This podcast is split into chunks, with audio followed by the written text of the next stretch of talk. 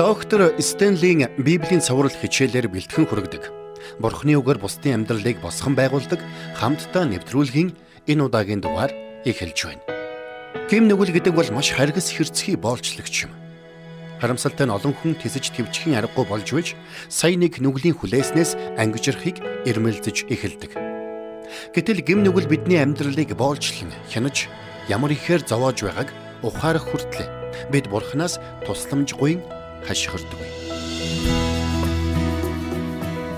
Ийхүү цөхөрч шаналсан тэрл үедээ бид гим нүглийн дарангуйллын эсрэг өөрсдийгөө чөлөөлөх ямар ч хүчгүй болохоо ухаардаг. Харин бурхантай хүмүүсийн хувьд аврал тусламж гуйсан залбирал маань бидний эрх чөлөөний эхний алхам болдог. Ингээд хамтдаа үнэн таныг чөлөөлнө цовруулын дараагийн дугаарыг хүлээн авцгаая. Доктор Стенли ярианд анхаарлаа хандуулцгаая.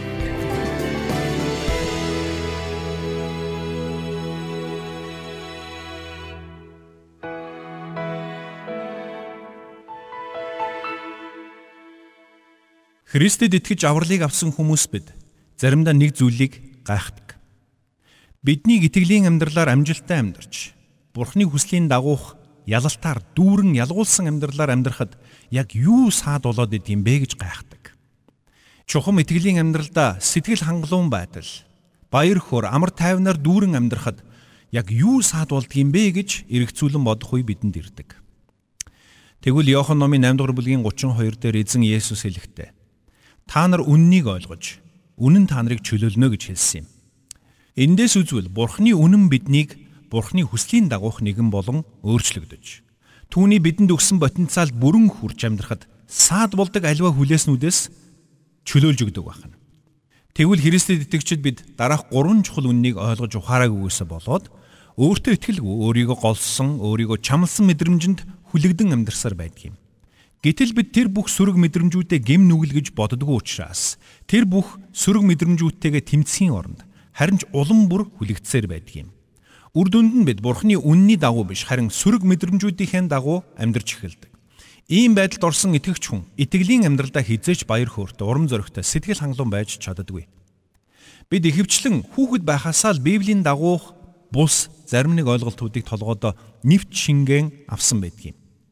Улмаар хожим нь бурханд итгэж, бурхны үннийг ойлгож ухаарч эхлэх үед бидний толгойд суусан тэр хуучин буруу ойлголтууд нь бурхны үнэтэй зөрчилдөж эхэлдэг. Харин сатан энэ зөрчил дээр дөрөөлөн биднийг хуурам мэхэлж, сөрөг мэдрэмжүүдээр дамжуулан биднийг хүлхийг оролдож байдаг юм. Улмаар бид тэрхүү хуурам мэхлэлтэд автах үед диавлын хүлээсэнд улам гүн ордог бол харин эсэргээрээ бурхны үннийг ойлгож тэр үнний дагуу амьдрах үедээ тэр бүх хүлээснээс чөлөөлөгдөж жинхэнэ эрх чөлөөтэй амьдралаар амьдарч чаддаг юм. Тэгвэл юуны өмнө бидний ойлгож ухаарах учиртай гурван чухал үнний эхнийх нь Христийн доторх бидний байр суурь юм. Хоёр дахь нь Христийн доторх бидний мөн чанар юм. А гурав дахь нь Христийн доторх бидний баялаг буюу өв юм. Байр суурийн хувьд бид ариун сүнсээр дамжуулан Есүс Христ рүү баптизм хүрдэж Есүс Христтэй үрд нэгдсэн юм. Тиймээс бид түүний дотор Тэр бидний дотор байна. Хоёрдугаарт бид Есүс Христийн дотор яг хин юм бэ гэдгээ ойлгож ухаарах ёстой. Библи биднийг Бурхны ариун хүмүүс хэмээн тодорхойлсон байдаг. Мөн бидний Христийн элчин сайд Бурхны хүүгд хэмээн мөн тодорхойлсон байдаг юм. Бид өөрсдийгөө ийхүү харж энэл итгэлээр амьдрж эхлэх үед бидний дотор байсан сөрөг хандлагууд өөрийгөө голох, өөрийгөө чамлах, өөрийгөө дорд үзэх мэдрэмжүүд аяанда үгүй болж эхэлдэг юм. Учир нь бид өдөр бүр 7 хоног бүр Бурхны үгийг судлаж тэр үгээр дамжуулан Бурхны үннийг хүлээн авах үед энэ нэргээд бидний амьдралын үндэс суурийг аажмаар өөрчилж эхэлдэг юм. Улмаар энэ нь бидний бодол санааны салшгүй хэсэг болон хувирдаг. Үүнийгээ дагаад бидний дотор өөртөө итгэх итгэл, өөрийгөө үнэлэх үнлэмж ямар ч асуудалтай нүүр тулсан Христийн дотроос ялалт байгуул чадна гэдэгт итгэх итгэл бий болж эхэлдэг юм. 3 дугаарт Христийн дотроос бидэнд яг юу өгөгдсөн бэ? Өөрөөр хэлбэл эвэл өрөөлүүд нь юу болохыг бид ойлгож ухаарах ёстой. Библиэд хэлэхдээ бидний Христтэй хамт өв залгамжлагчд болсон гэдгийг тунхагласан байдаг. Энэ талаар бид олон зүйлийг ярилцаж болох боловч эдгээрийн дундаас гурван зүйлийг би өнөөдөр онцлон ярихыг хүсэж байна. Нэгдүгээрт Бурхан биднийг байгаагаар нь хүлээн зөвшөөрж, байгаагаар нь хүлээж авсан. Хүн бүр бусдад хүлээн зөвшөөрөгдөж, бусдаар үнэлэгдэхийг хүсдэг юм. Харин бид үүнийгээ бусад хүмүүсээс мэдэрч чадахгүй бол өөрсдөө ч мэдлгүйгээр энэ мэдрэмжийн хойноос хөөцөлдөж эхэлдэг. Тэгвэл Христийн дотор бидэнд өгөгдсөн хамгийн үнцэнтэй эвэл юрол бидэнд өгөгдсөн хамгийн үнцэнтэй баялаг бол Бурхан биднийг байгаагаар нь хүлээж авсан явдал юм. Бид эргэн тойрондоо буй хүмүүст хүлээн зөвшөөрөгдөх гэж маш их хичээдэг. Гэтэл эгэл жирийн хүн биш. Орчлон ертөнцийг бүтээсэн агуу бурхан биднийг байгаагаар нь хүлээн авсан байна шүү дээ. Биднийг Есүс Христийг аврагч эзнээ болгон хүлээн авсан тэр мөчөд Есүс Христийн загалмайн үхлийн улмаас бидний гим нүглийн төлөөс бүрэн төлөгдөж Бурхан биднийг өөртөө хүлээн авсан байна. Ингэхдээ тэр биднийг байгаагаар нь хүлээн авсан. Тэр бидэнд чи ихлээд амьдралаа өөрчилчих. Тэгэд хүрээдэр гэж хэлээгүү муу зуршлуудаас салчих гэж хэлээгүү. 10 хуулийг ягштал дагдаг болцоход ирээрэ гэж хэлээгүү. Нүгэл үлдэхэ болцоход ирээрэ. Тэгвэл чамайг хүлээж авъя гэж хэлээгүү. Харин бидний эзэн эцэг өөрийн хайр инэрлээрээ бидний хүлээн авч бидэнд би чамайг байгаар чинь хүлээн авч байна хэмээн айлтсан юм. Үнэхээр тэр биднийг байгаар минь хүлээн авсан. Эцэстээ таныг зүйлийг ойлгох хэрэгтэй. Бурхан таныг байгаар чинь хүлээн авсан гэдэг нь тэр таны талаар бүхнийг мэддэг гэсэн үг. Тиймээс таны ямар ч үйлдэл түүнийг гайхшруулж юм уу эсвэл түүний урмыг хугалж чадахгүй. Учир нь тэр таныг ертөнцийн сураас ч өмнө мэдэж байсан. Тиймээс ч таныг Бурхан минь би таны итгэлийг алдчихлаа хэмээн харамсан гашууд холно гэдгийг Бурхан эхнээсээ мэдэж байсан гэсэн үг. Бурхан үүнийг мэдсээр байж таныг байгаар ч хүлээн авсан гэдгийг та үргэлж санах хэрэгтэй. Энэ чухал үннийг ойлгож ухаарах юм бол та цаашид өөрийгөө голохоо болох болно мөн бусад хүмүүсээр ч хүлээн зөвшөөрөгдөх гэж улаар нь зүтгэхэ болох болно. Гэхдээ таны сулдроо байдлыг, таны гим нүглийг, таны муу зуршлуудыг бурхан мэдсээр байж таныг хүлээн авсан гэдэг нь танд тэр бүхнээ үргэлжлүүлэн үйлдэх зөвшөөрлийг олгосон гэсэн үг биш гэдгийг та санаарай. Харин ч та үнийг ойлгож ухаарах юм бол энэ нь таныг дуулууртай амьдрал руу хөтлөн дагуулах болно. Учир нь бурхан эцэг чинь таныг байгаар чинь хүлээн авсан юм бол та хэн нэгэнд хүлээн зөвшөөрөх гэж өөрийгөө хүчлэх шаардлагагүй болно. Таны дотор Христ оршин байгаа учраас та цаашид бусдаас өөрийгөө дорд үзэж, өөрийгөө голж чамлах шаардлагагүй юм. Үүнийг ойлгож ухаарах үед бид жинхэнэ эрх чөлөөг мэдэрдэг юм. Тэгэхээр Христийн дотор бидний сүнслэг өв буюу сүнслэг баялагтай холбоотой хоёр дахь чухал санааг би энд хэлмээр байна. Ингээд хамтдаа Иохан номын 5 дугаар бүлэг рүү очие. 5-ын 24 дугаар ишлэгийг гаргаад харъя. Бурхан биднийг байгаар нь хүлээн аваад зогсохгүй бидэнд мөнхийн амийг өгсөн гэдгийг батлан хэлсэн хэсэг байгаа. Үүнтэй холбоотойгоор би хэд хэдэн зүйлийг үргэлжлүүлэн хэлэх болно. За юуны юм Иохны 5-ын 24-ыг уншийе. Үннээр үннээр би та нарт хэлье. Үгсийг минь сонсоод намайг илгээгч түүнд итгэгч нь мөн хамтай болох бөгөөд яллагдахгүй. Харин үхлээс гítэлж аминд шилжив гэсэн байгаа. За эндээс үзвэл Есүс Христэд итгэгч хүн бүр мөн хамийг эзэмшигч болсон байна. Харамсалтай нь бид ихэвчлэн уртхаал харж амьдардаг. Бид мөнхийн амийн тухай бодохдоо тэр мөнх амийг бид мөнхийн улсад очисон хойноо л авна гэж боддог. Тэгвэл Библиэд 1-р Иохны 5-ын 12 тэлэгтээ хүүтэй хүнд ам бий. Бурхны хүү байхгүй хүнд ам байхгүй гэсэн байдаг. Тэгвэл энд өгүүлж буй ам гэдэг нь юу юм бэ? Бидэнд байгаа мөнх ам гэдэг нь яг чухам юу хэлээд байгаа юм бэ? Бидэнд өгөгдсөн мөнх ам бол ариун сүнсээрээ бидний дотор оршин буй Есүс Христ юм. Тэр бидэнд өөрийгөө өгсөн. Тэр бол бидэнд буй ам буюу мөнх ам юм. За тэгвэл энэ нь яг юу гэсэн үг болохыг та ойлгож байна уу? Энэ нь та хичнээн ухаантай, хичнээн мэдлэгтэй, хичнээн баян, хичнээн алдартай байсан ч хэрвээ таны дотор Есүс Христ байхгүй бол та амьд үхтэл гэсэн үг юм. Би энэ үгийг өөрөөсөө хэлж байгаа юм биш шүү. Бурхны үгэнд ингэж хэлсэн байдаг юм. Бурхан бидэнд мөнх амийг өгөхийн тулд Есүс Христийг загалмайн үхэл рүү илгээсэн. Тиймээс бид түүнд итгэснээр Бурханаас мөнх амийг хүлээн авах боломжтой болсон юм. Тиймээс хэрвээ та Есүс Христэд итгэх итгэлээс татгалзаж өөрийнхөөрөө явсаар Бурхантай нүүр тулах юм бол тэр цагт танд ямар ч шалтгаан байхгүй байх болно. Танд өөрөөсөө өөр хэн нэгнийг буруутгах шалтгаан шалтгаан байхгүй байх болно. Үүнийг шууд сонсон хүлээж авахд танд амаргүй байж болно. Гэхдээ би танаас асууя. Хэрвээ миний хэлсэн энэ үг үний юм бол та амьдралаа эргэж нэг харахгүй гэж үү? Өнөөдөр та өөрийнхөө амьдрч байна. Магадгүй та өөрийнхөө арга замаар деваачнд хүрнэ гэж бодож байж болох юм. Харин Бурхан бидэнд ганцхан арга замыг өгсөн гэдгээ аль хэдийн хэлчихсэн. Энэ бол загалмайн зам. Есүс Христэс өөр замаар та мөнхийн амийг авч чадахгүй. Бид Есүс Христэд итгэсэн тэр мөчөд ариун сүнс бидний дотор нутгалдаг юм. Энэ нь Бурхан өөрөө бидний дотор нутгалсан гэсэн үг юм. Бидний дотор Бурхан өөрөө нутгалсан гэдэг нь бидний дотор ам байгаа гэсэн үг юм. Энэ ам бол мөнх ам. Энэ л мөнх ам бидэнд энэ дэлхий дээр утга учиртай амар тайван баяр хөөртэй мөн сэтгэл хангалуун амьдрах хүчийг өгдөг юм. Мөн энэ ам бидэнд жинхэнэ үн цэнийг минь ухааруулж өгдөг. Тиймээс энэ дэлхий дээр итгэлийн амьдралаар амжилттай амьдрахад хэрэгцээтэй бүхнийг Бурхан бидэнд өгсөн. Харин энэ бэлгийг Бурхан мөн хамийн дотор бидэнд өгсөн юм.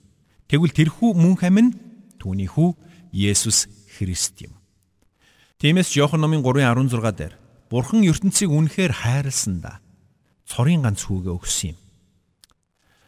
Хүүд итгэдэг бүхэн мөхөхгүй харин мөн хамтай байх болно хэмээн тунхагсан байдаг. Бид энэ үгийг санахтаа ихэвчлэн там эсвэл деважингийн тухай боддог. Гэтэл үнэн дээр бид мөн хамийг ирээдүйд хүлээн авах бус харин Есүс Христэд итгэсэн тэр мөчөөс эхлэн бидний мөн хамийг хэлсэн юм. Тиймээс хэрвээ та Есүс Христэд итгэсэн бол та аль хэдийн мөн хамтай болсон.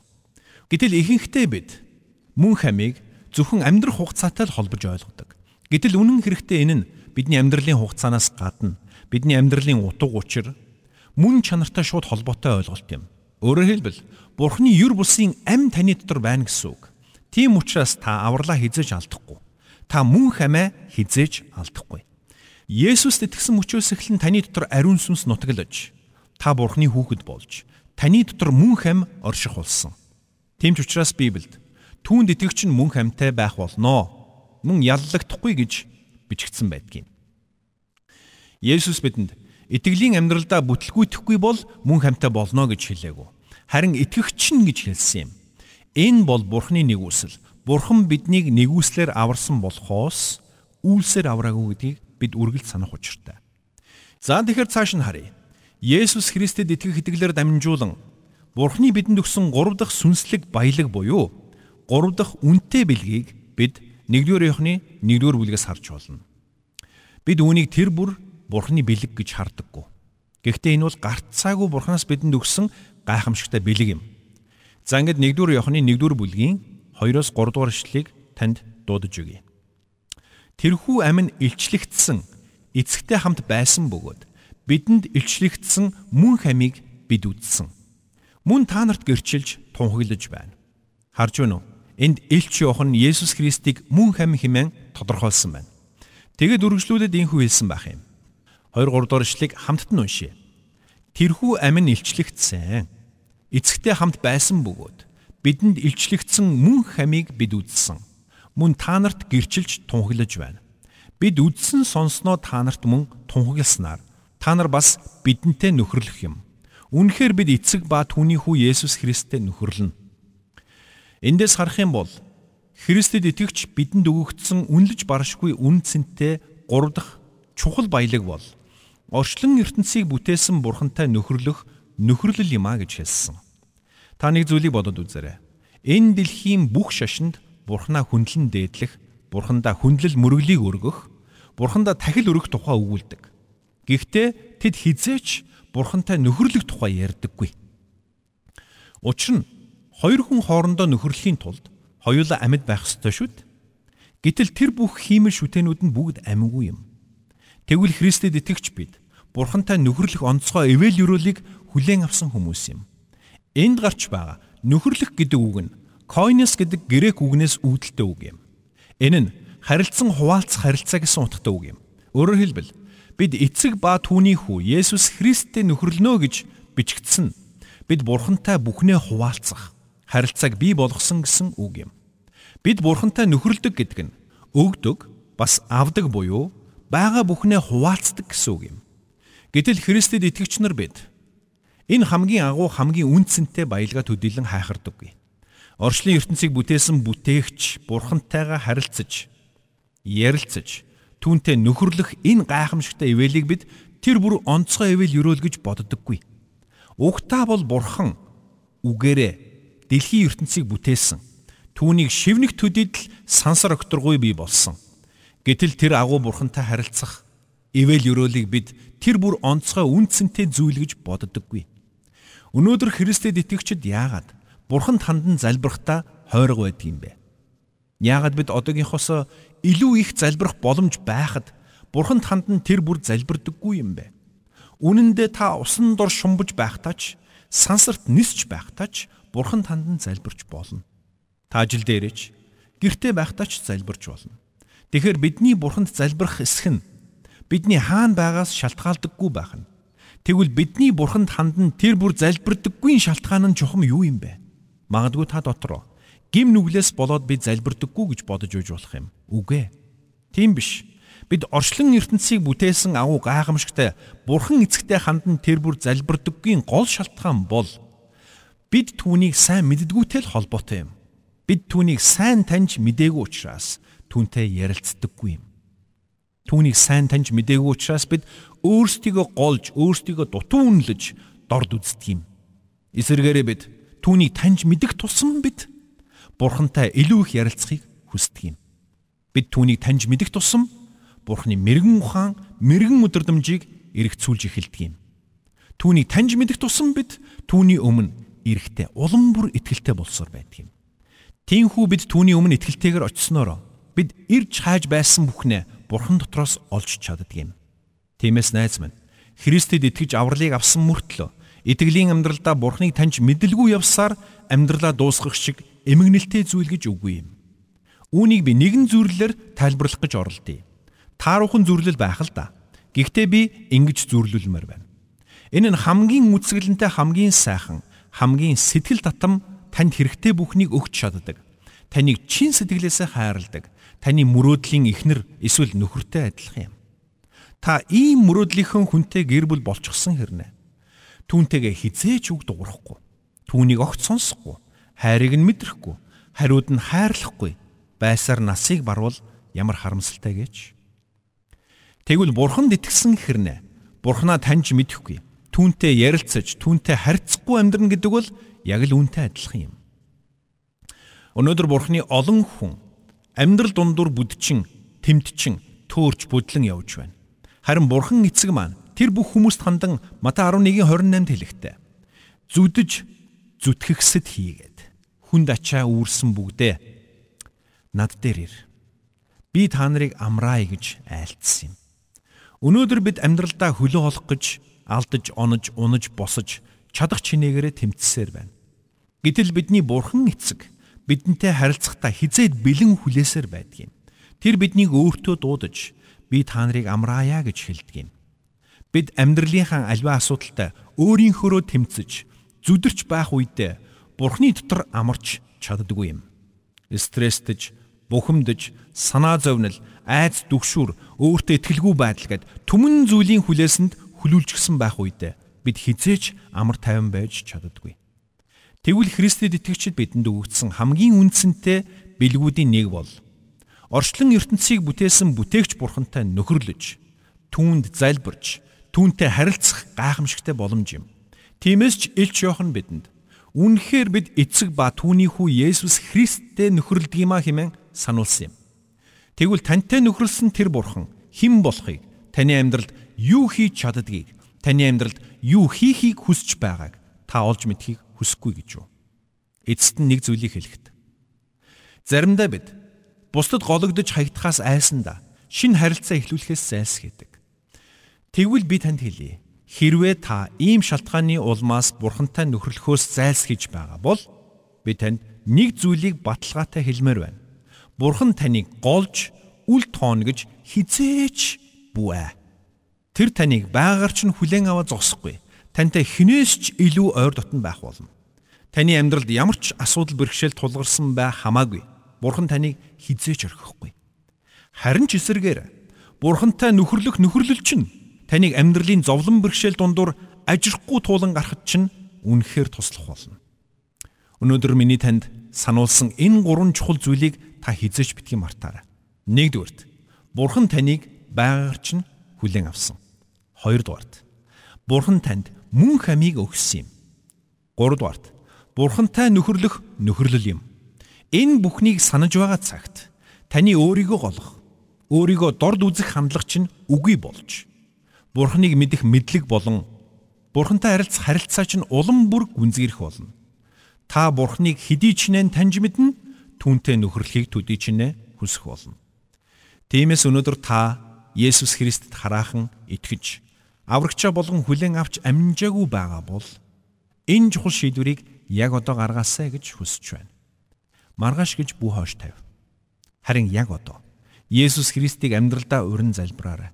Эс тэгвээс нэг л мэдхэд бүх зүйл хитрхи оройтсан байх боломжтой гэдгийг санаарай. Учир нь Бурхан танд хамгийн гайхамшигтай амьдралыг санал болгож байна. Харин тэр амьдралыг Бурханаас хүлээн авах эсэх шийдвэр нь таны гарт байгаа юм. Тиймээс та Бурханы өмнө очиод "Эзэн, би Есүс Христийг аврагчаа болгон хүлээн авч байна. Би цаашид Христэд итгэх итгэлээр Бурханы нэгүслэр амьдрахыг хүсэж байна" хэмээн залбираарай. Би ч бас таны төлөө Бурхан эцэгт хандан залбирх болно. Ингээ хамт залбирцгаая. Бурхан эцэг минь. Та бидний итгэлийн амьдралыг гайхамшигтайгаар ивээсэн учраас танд баярлалаа. Христэд итгэх итгэлээр дамжуулан та бидэнд тантай харилцах боломжийг нээж өгсөн учраас танд талархаж байна. Та бид бүгдийг байгаар нь хүлээн авч тань руу очисон хүмүүсийн нэгийг нь ч өөрөөсөө түлхээгүй учраас танд баярлалаа. Бурхан эцэг минь.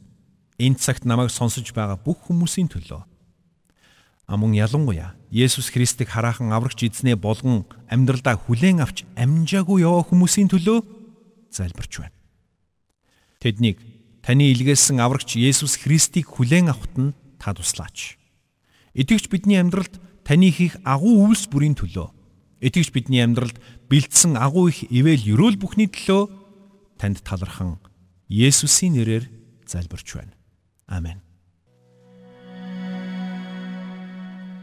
Христэд итгэгчид бид Бурхны үннийг олж мэдэн тэдгэрийг амьдралдаа хэрэгжүүлэх үед бидэнд хортой сөрөг сэтгэл хөдлөлүүдээс чөлөөлөгддөг болохыг доктор Стенли бидэнд сануулж байна.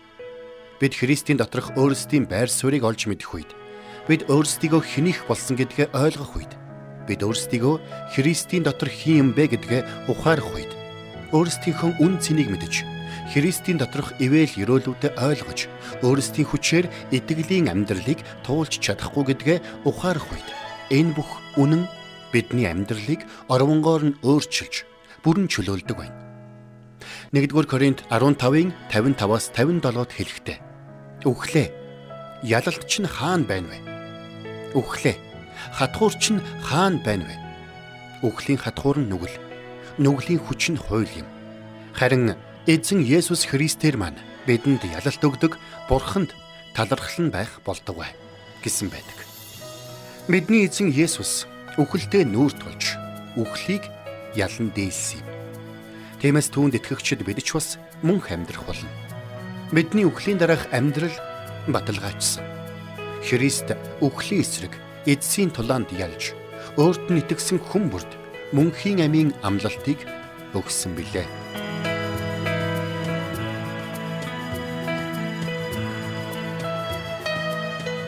Бурханд тэмүүлсэн сэтгэл хүмүүсийг энэрх зөрхөөр амьдрахад туслах номлогч доктор Чарлз Стенлигийн хамттай нэвтрүүлэг сонсогч танд хүрлээ. Нэвтрүүлгийг дахин сонсохыг хүсвэл ихтгэл радиоцик.com-оор зочлоорой. Бидэнтэй холбогдохыг хүсвэл 8085 99 тэгтэг дугаард хандаарай.